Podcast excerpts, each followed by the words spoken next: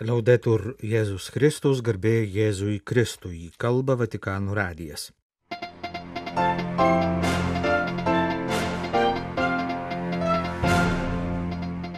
Sekmadienį buvo švenčiama pasaulinė senelių ir pagyvenusių žmonių diena. Šią progą popiežius Pranciškus aukojo mišęs Šventojo Petro bazilikoje.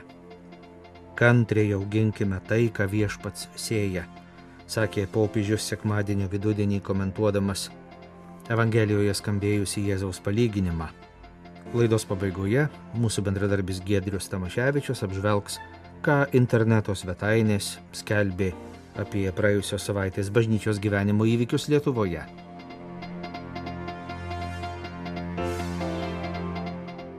Sekmadienio rytą popiežius Pranciškus aukojo mišes pasaulinės senelių ir pagyvenusių žmonių dienos proga. Šį minėjimą popiežius Pranciškus įvedė prieš trejus metus. Pasaulinė senelių ir pagyvenusių žmonių diena kasmet švenčiama sekmadienį prieš Liepos 26-ąją minimą Jėzaus senelių šventųjų Onos ir Joakimo liturginį minėjimą. Per parlarci del regno di Dio, Gesù usa delle parabole. Kalbėdamas apie dangaus karalystę, Jėzus naudoja palyginimus. Paprastas istorijas, kurios pasiekia klausytojo širdį. Pasak popiežiaus, toks Jėzaus kalbėjimo būdas panašus į senelių kalbą, kai jie, pasisodinę nūkus ant kelių, perduoda jiems gyvenimo išmintį, Šiuo aspektu popiežius mišių homilijoje komentavo šio sekmadienio Evangelijoje girdėtus tris Jėzaus palyginimus. Pirmajame palyginime kalbama apie tame pačiame lauke kartu augančius kviečius ir raugės. Tai įvaizdis padedantis mums realistiškai žiūrėti į mūsų pačių ir pasaulio gyvenimą, kuriame matome šviesą ir šešėlius, meilę ir savanaudiškumą tarpusavyje susipynusius gėrį ir blogį. Dėl to reikia realistiškai žvelgti į istoriją, be ideologijų, be nepagrysto optimizmo ir be žalingo pesimizmo.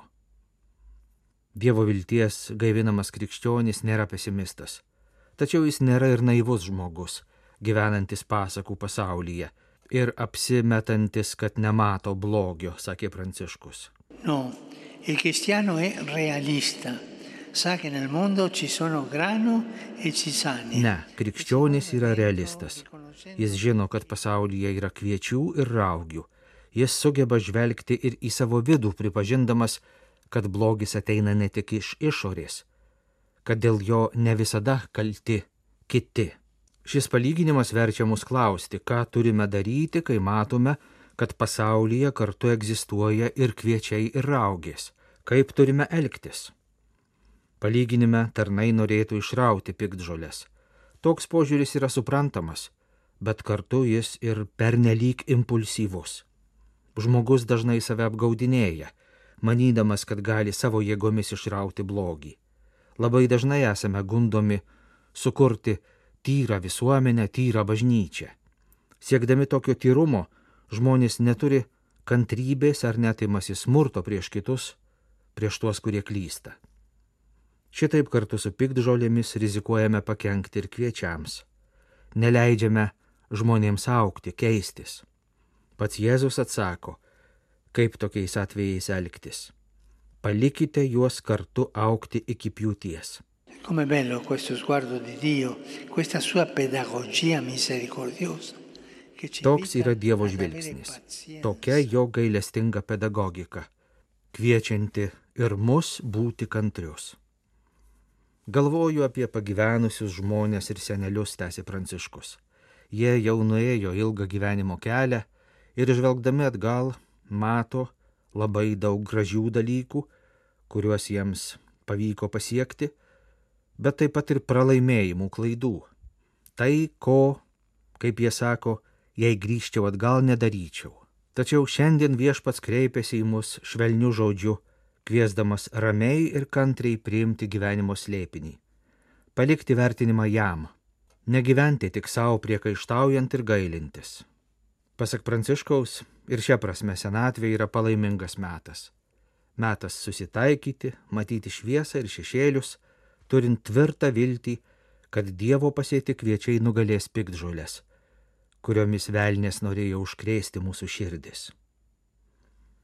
Antruoju šio sekmadienio Evangelijos palyginimu Jėzus sako, kad Dievas tyliai ir lėtai veikia istorijoje, kad jo veikimas iš pradžių gali būti nepastebimas, kaip garstyčios grūdelis. Toks yra ir mūsų gyvenimas, kalbėjo popiežius. Ateiname į pasaulį maži, tampame suaugusiais, paskui pagyvenusiais. Iš pradžių esame maža sėkla, paskui mus maitina viltys, įgyvendiname projektus ir svajones, kurių gražiausia - tapti kaip tas medis, kuris gyvena ne tik savo, bet teikia pavėsi kitiems, siūlo vietą tiems, kurie nori susisukti savo lizdą. Būtent tai reiškia aukti kartu. Žaliuojantis medis ir mažyliai, kuriems reikia lizdo. Seneliai su savo vaikais ir anūkais. Pagyvenę žmonės su jaunesniais. Galiausiai trečiajame palyginime kalbama apie raugą sumaišytą su miltais, apie augančią duonos tešlą. Pasak Pranciškaus, šiame palyginime galime išvelgti tai, kas yra mūsų gyvenimo kartu pagrindas. Dievo žodis mus kviečia neatsiskirti, neužsidaryti savyje, bet aukti kartu. Ascoltiamoci, dialoghiamo, sosteniamoci a vicenda. Non dimentichiamo i nonni e gli anziani. Klausykime vieni kitų, kalbėkime, palaikykime vieni kitus. Nepamirškime senelių ir pagyvenusių žmonių. Aukime kartu, eikime pirmin kartu. Ir viešpats laimins mūsų kelionę, baigė homilija Pranciškus.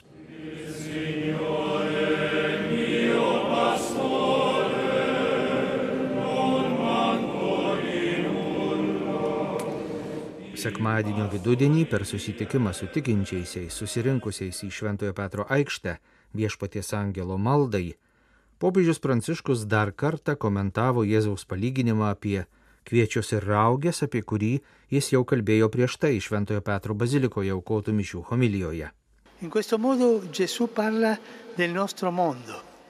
Pasak Pranciškaus, šio sekmadienio Evangelijos palyginimu apie kviečius ir raugės Jėzus kalba apie mūsų pasaulį, kuris iš tiesų yra panašus į didelį lauką, kuriame Dievas sėja kviečius, o piktasis piktžolės.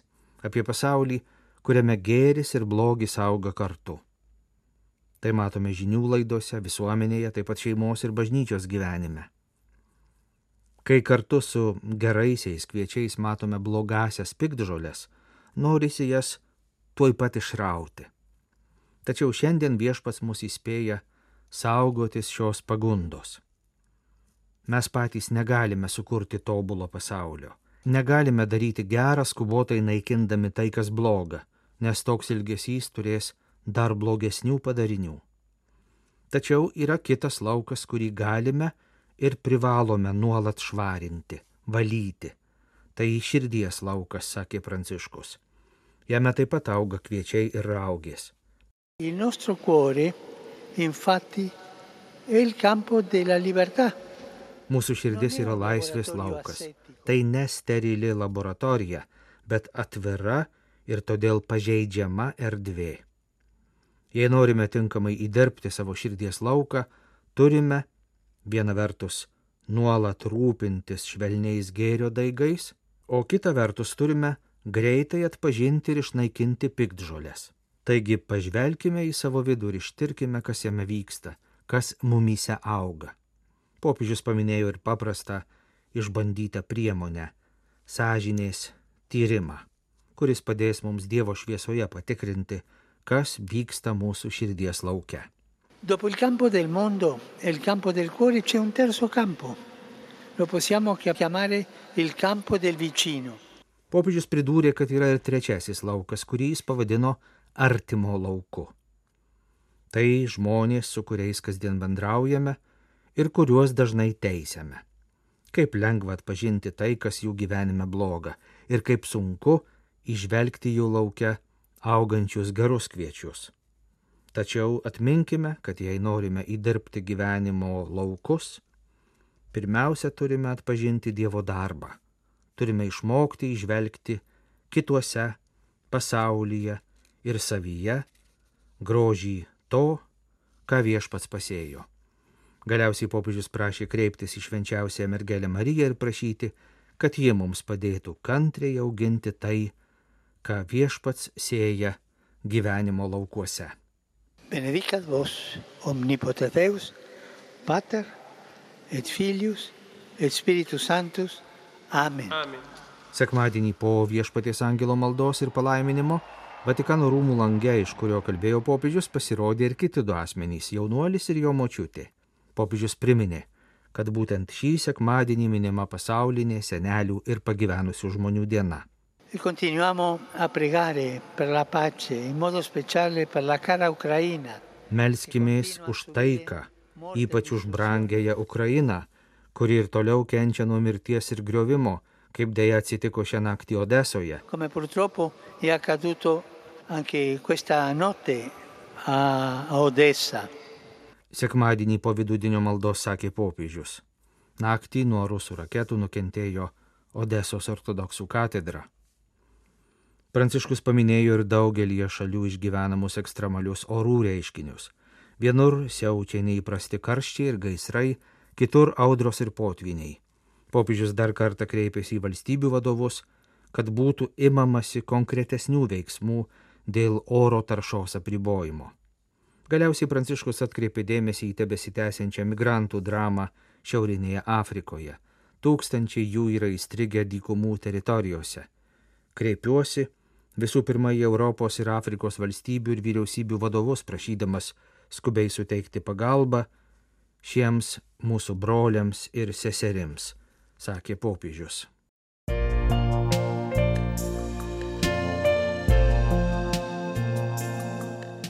Jūs klausotės Vatikano radio. Tęsėme žinių laidą lietuvių kalba.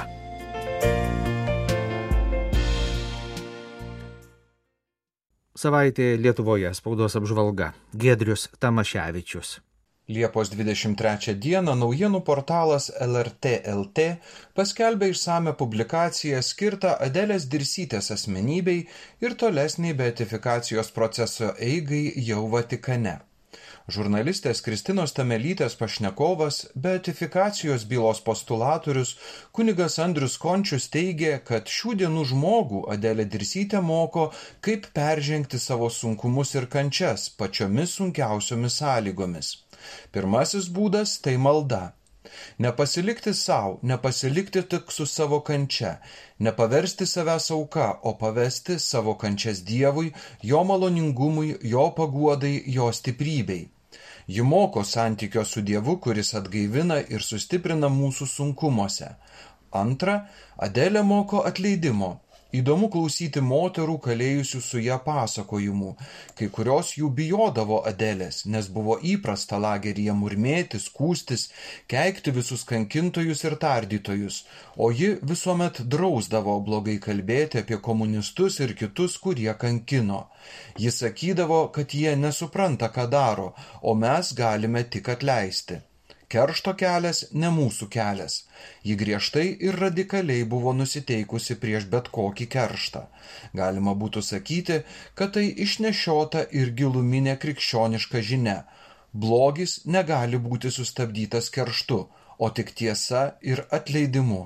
Portalui LRT LT kalbėjo Adelės Dirsytės beatifikacijos bylos postulatorius kunigas Andrius Končius.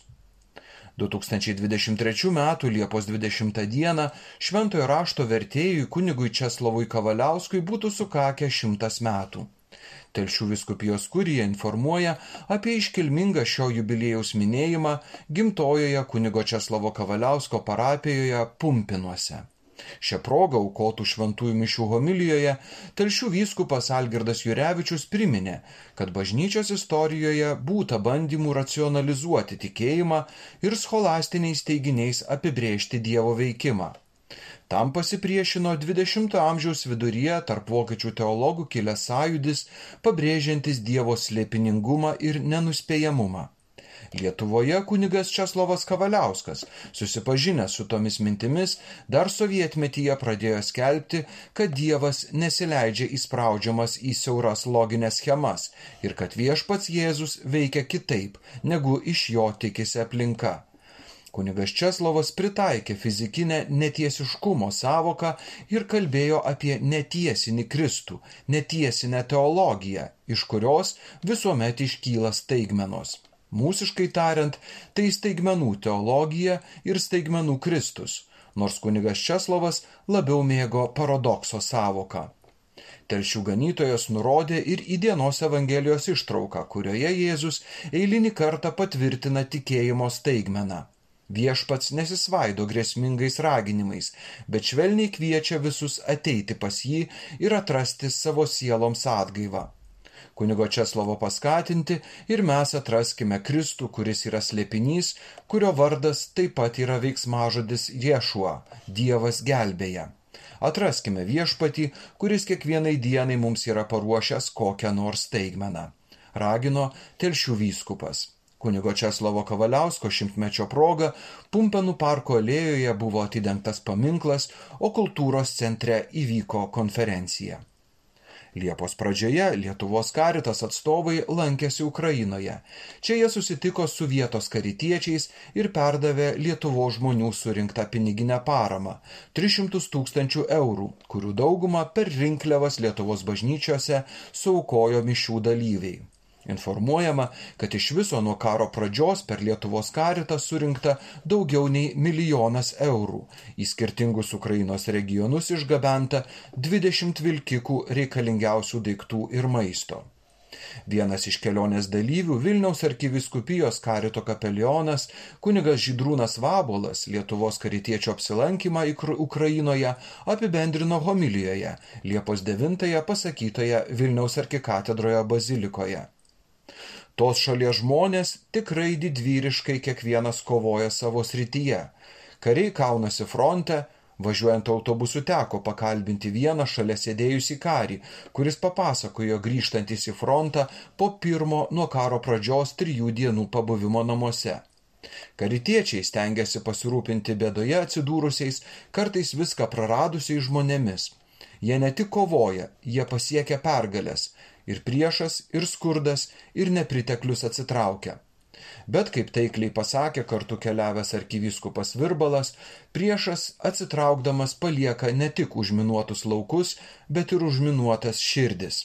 Todėl, kai užkariautojai bus išvyti, ko tikimės ir ko Ukrainai linkime, reikės atstatyti ne tik sugriautus namus ir kitus išorinius dalykus, bet svarbiausia - išminuoti sielas nes tas pyktis, kuris dabar teisėtas ir reikalingas kovoje, dėja rizikuoja po to pasilikti ir virsti širdies minomis, kurios gali sprokti santykiuose, šeimose, kasdienėme gyvenime, gali išsilieti priklausomybėmis, neviltimi, neapykanta gyvenimui, nusikalstumumu.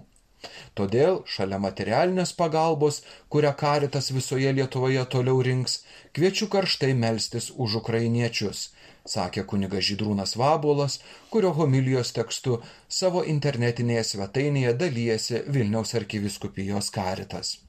Giedrius Tamaševičius, Vatikano radijui iš Vilniaus.